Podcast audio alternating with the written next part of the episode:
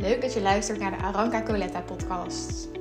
Hier vertel ik je mijn persoonlijke reis van overleven naar een gelukkig leven. Ik deel je mijn tips en inspiratie voor meer zelfvertrouwen, rust en balans. Voor minder perfectionisme, minder denken en meer voelen. Ik geloof dat door het op een diep niveau werken met je onderbewustzijn er oneindige mogelijkheden voor jou zijn. En ik help je daar graag bij. Veel luisterplezier! Ik deel al vaker met je dat uh, mijn allergrootste behoefte in het leven en ook met mijn bedrijf en in het contact met iedereen om mij heen uh, en überhaupt op deze wereld is om verbinding te voelen met anderen. En ja, dat is heel diep mijn verlangen dus. En ik ben blij dat ik me daar bewust van ben, want dat verlangen was er altijd al, maar ik was me daar nog niet altijd bewust van. En doordat ik dat verlangen heb, maakt het ook dat ik daar op acteer en dat ik de dingen doe die voor mij belangrijk zijn om die verbinding te kunnen krijgen. En wat ik wel heel mooi vind om met je te delen is dat ik bij een workshop ben geweest een aantal jaar geleden. Waarbij, ik, waarbij het ook ging over verbinding. Daar deelde ik in de groep ook dat, ja, dat ik zelf heel veel behoefte heb aan verbinding. En ik was ook eerlijk gezegd niet de enige die daar uh, heel veel behoefte aan had. En ik deelde dat. En de eerste reactie van degene die de workshop gaf was: Heb je wel verbinding met jezelf?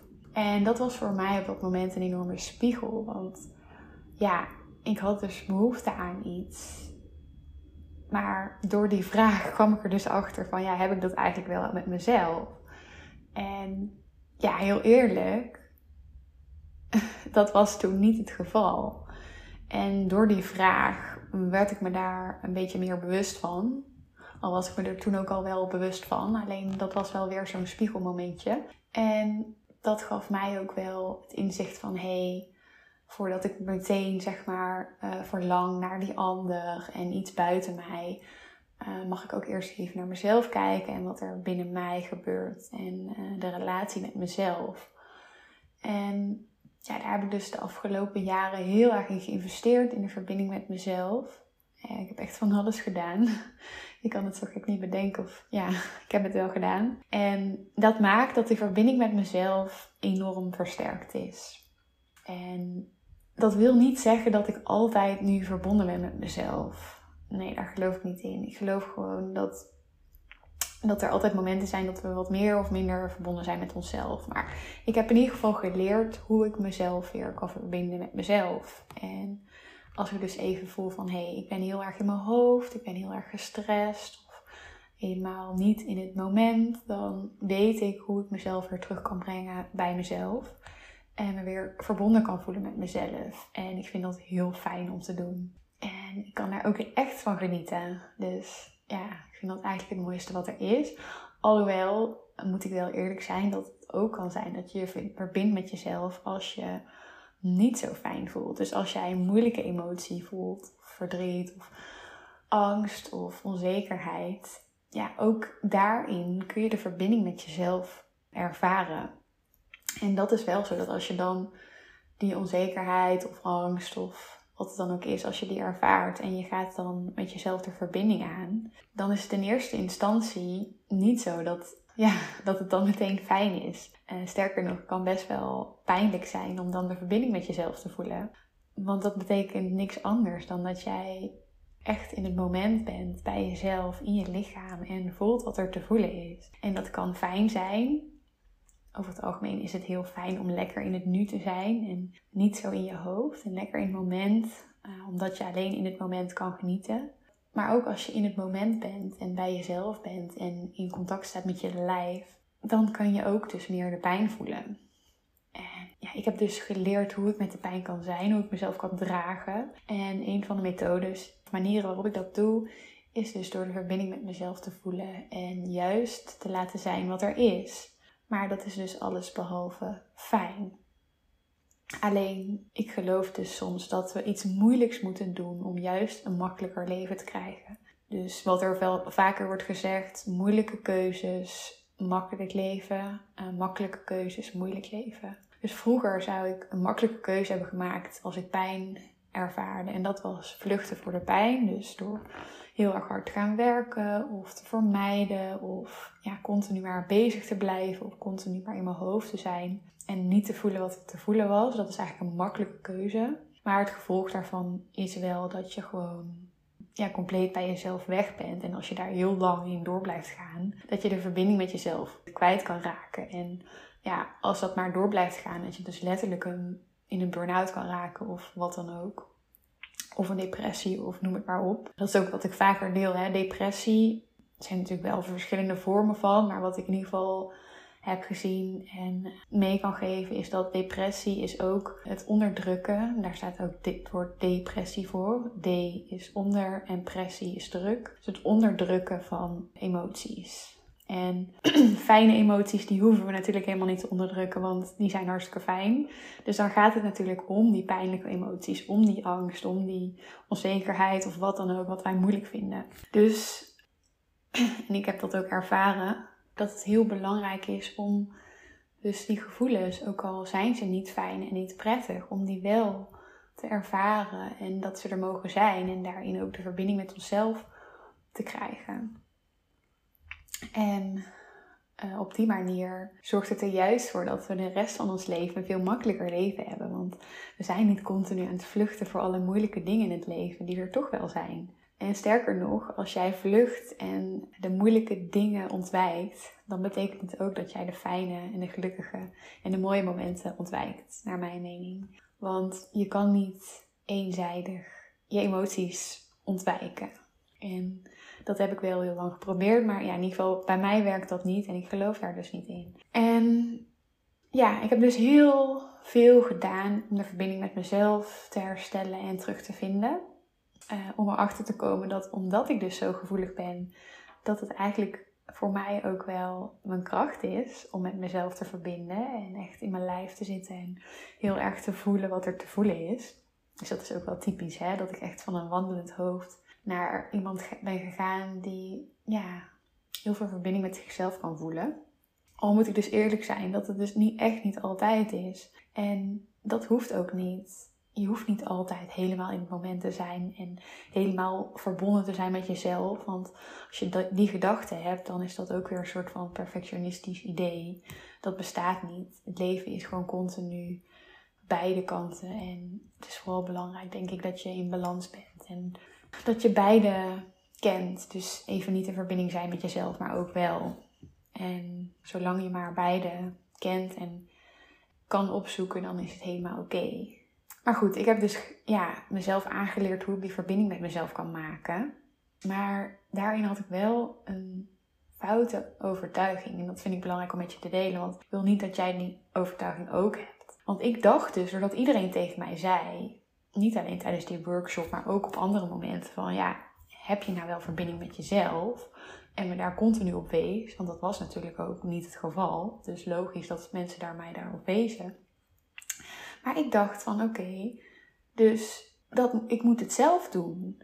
Dus de enige verbinding die ik moet maken is met mezelf. Ja, het klinkt misschien nu een beetje raar ook als ik het zo hardop spreek, hardop zeg, maar ja, ik had dus de illusie van, ik moet vooral verbonden zijn met mezelf. En ja, je hoort hem denk ik al, ik moet.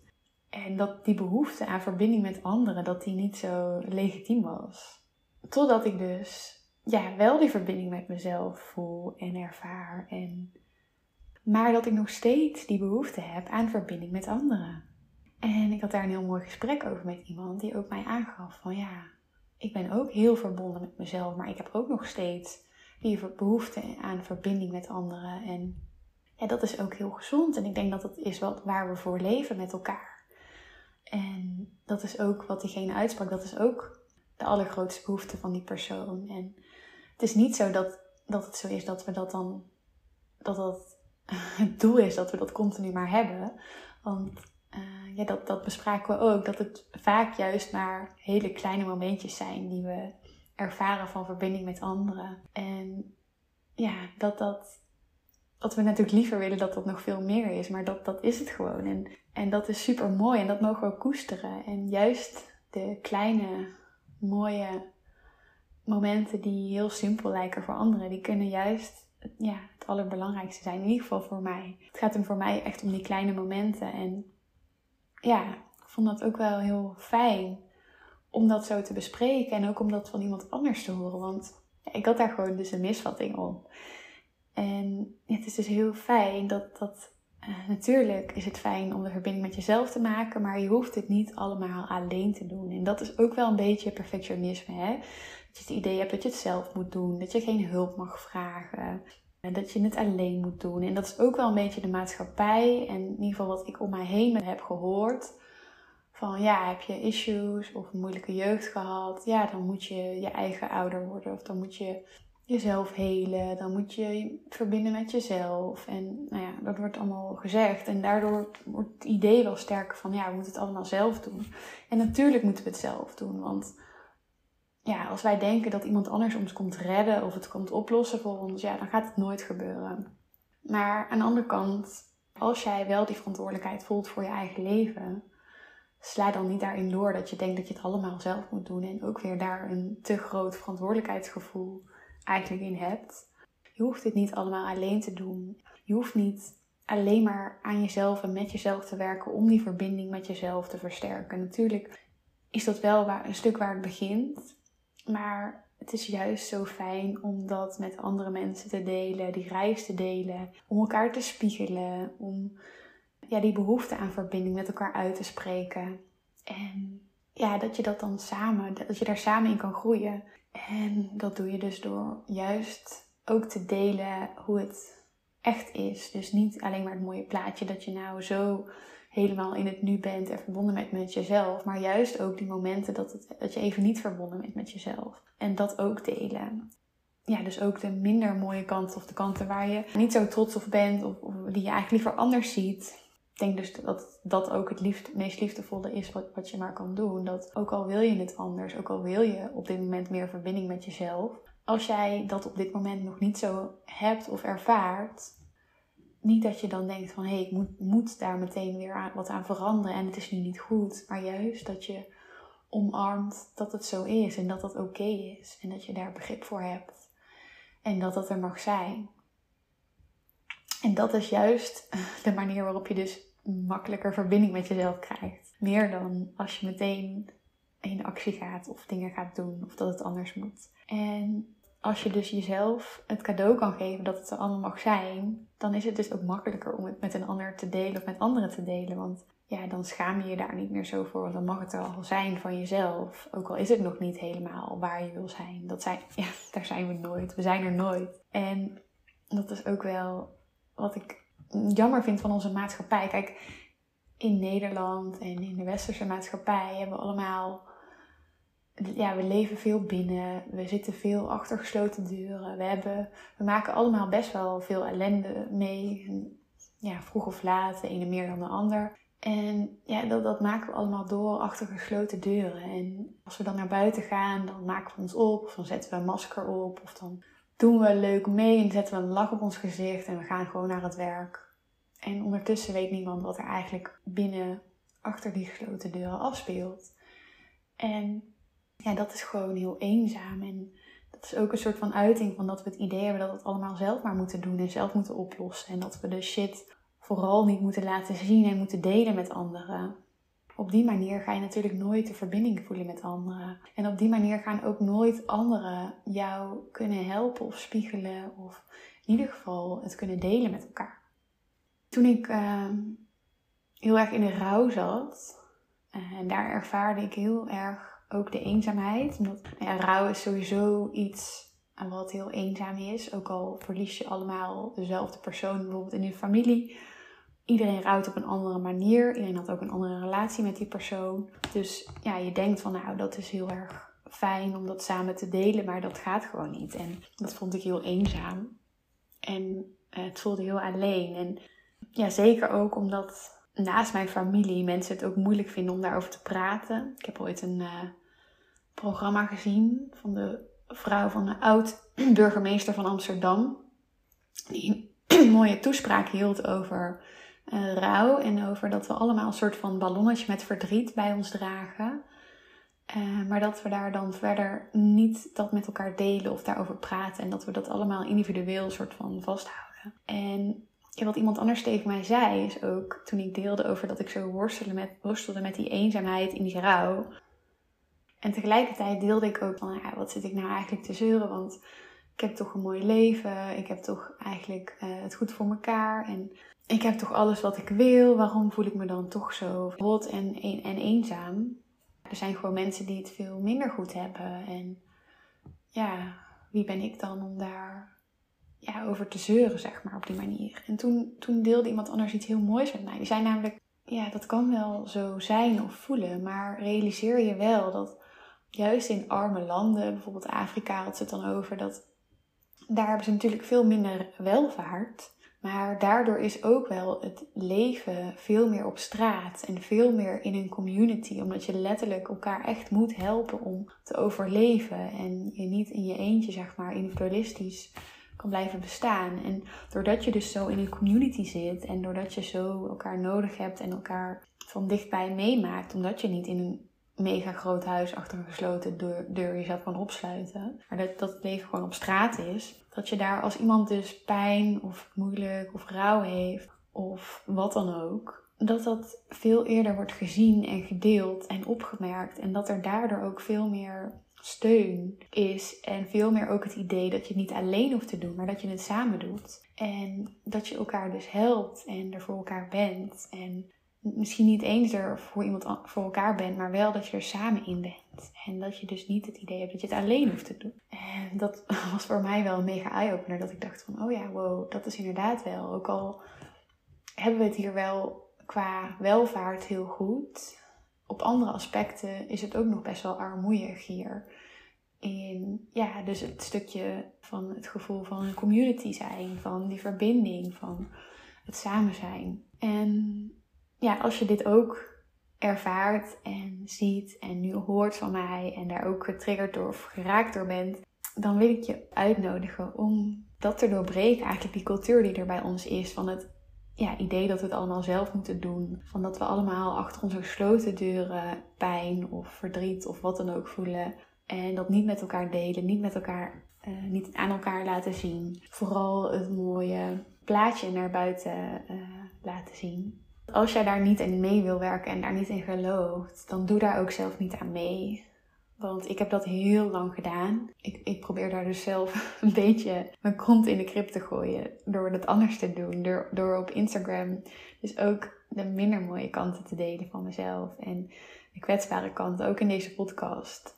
En ja, ik hoop dat ik je daarmee inspireer. En dat we dus dat meer samen kunnen gaan doen. Dat het niet allemaal perfect hoeft te zijn. En ja, dat maakt dus, doordat als we dat kunnen loslaten en meer ons imperfecte zelf kunnen zijn en meer ja, ons authentieke zelf kunnen zijn, dat we veel meer het gevoel kunnen ervaren dat we het samen doen, dat we in verbinding zijn met elkaar, de verbinding voelen met elkaar. En ik denk dat dat van heel veel mensen het allerdiepste verlangen is. Nou, ik hoop dat je daar ook aan mee wilt uh, doen. En ja, in ieder geval op die manier ook uh, meer verbinding kan voelen en ervaren. En ja, als je daar nog vragen over hebt of daar iets van vindt of een opmerking over hebt, dan uh, laat het me even weten door een berichtje te sturen op Instagram of op Facebook of via de e-mail. Uh, want ik vind het heel leuk om van jou te horen en wat jouw ervaring hierin is. Uh, dat helpt mij ook weer om meer inzicht te krijgen hoe het voor anderen is en voor jou is. Dus nou ja, leuk als je dat wilt doen. En ik vind het altijd heel leuk om van jou te horen. Dankjewel. Als je het leuk vond om deze podcast te luisteren, dan zou ik het heel erg leuk vinden als je voor mij een review wilt achterlaten. En nee, dat kost je bijna geen tijd. Het enige wat je hoeft te doen is in Spotify te gaan naar mijn podcastprofiel Aranka Coletta, waar je nu al bent waarschijnlijk. En dan boven het kopje afleveringen te klikken op het aantal sterren dat je wilt geven. Dus één druk op de knop. Dankjewel!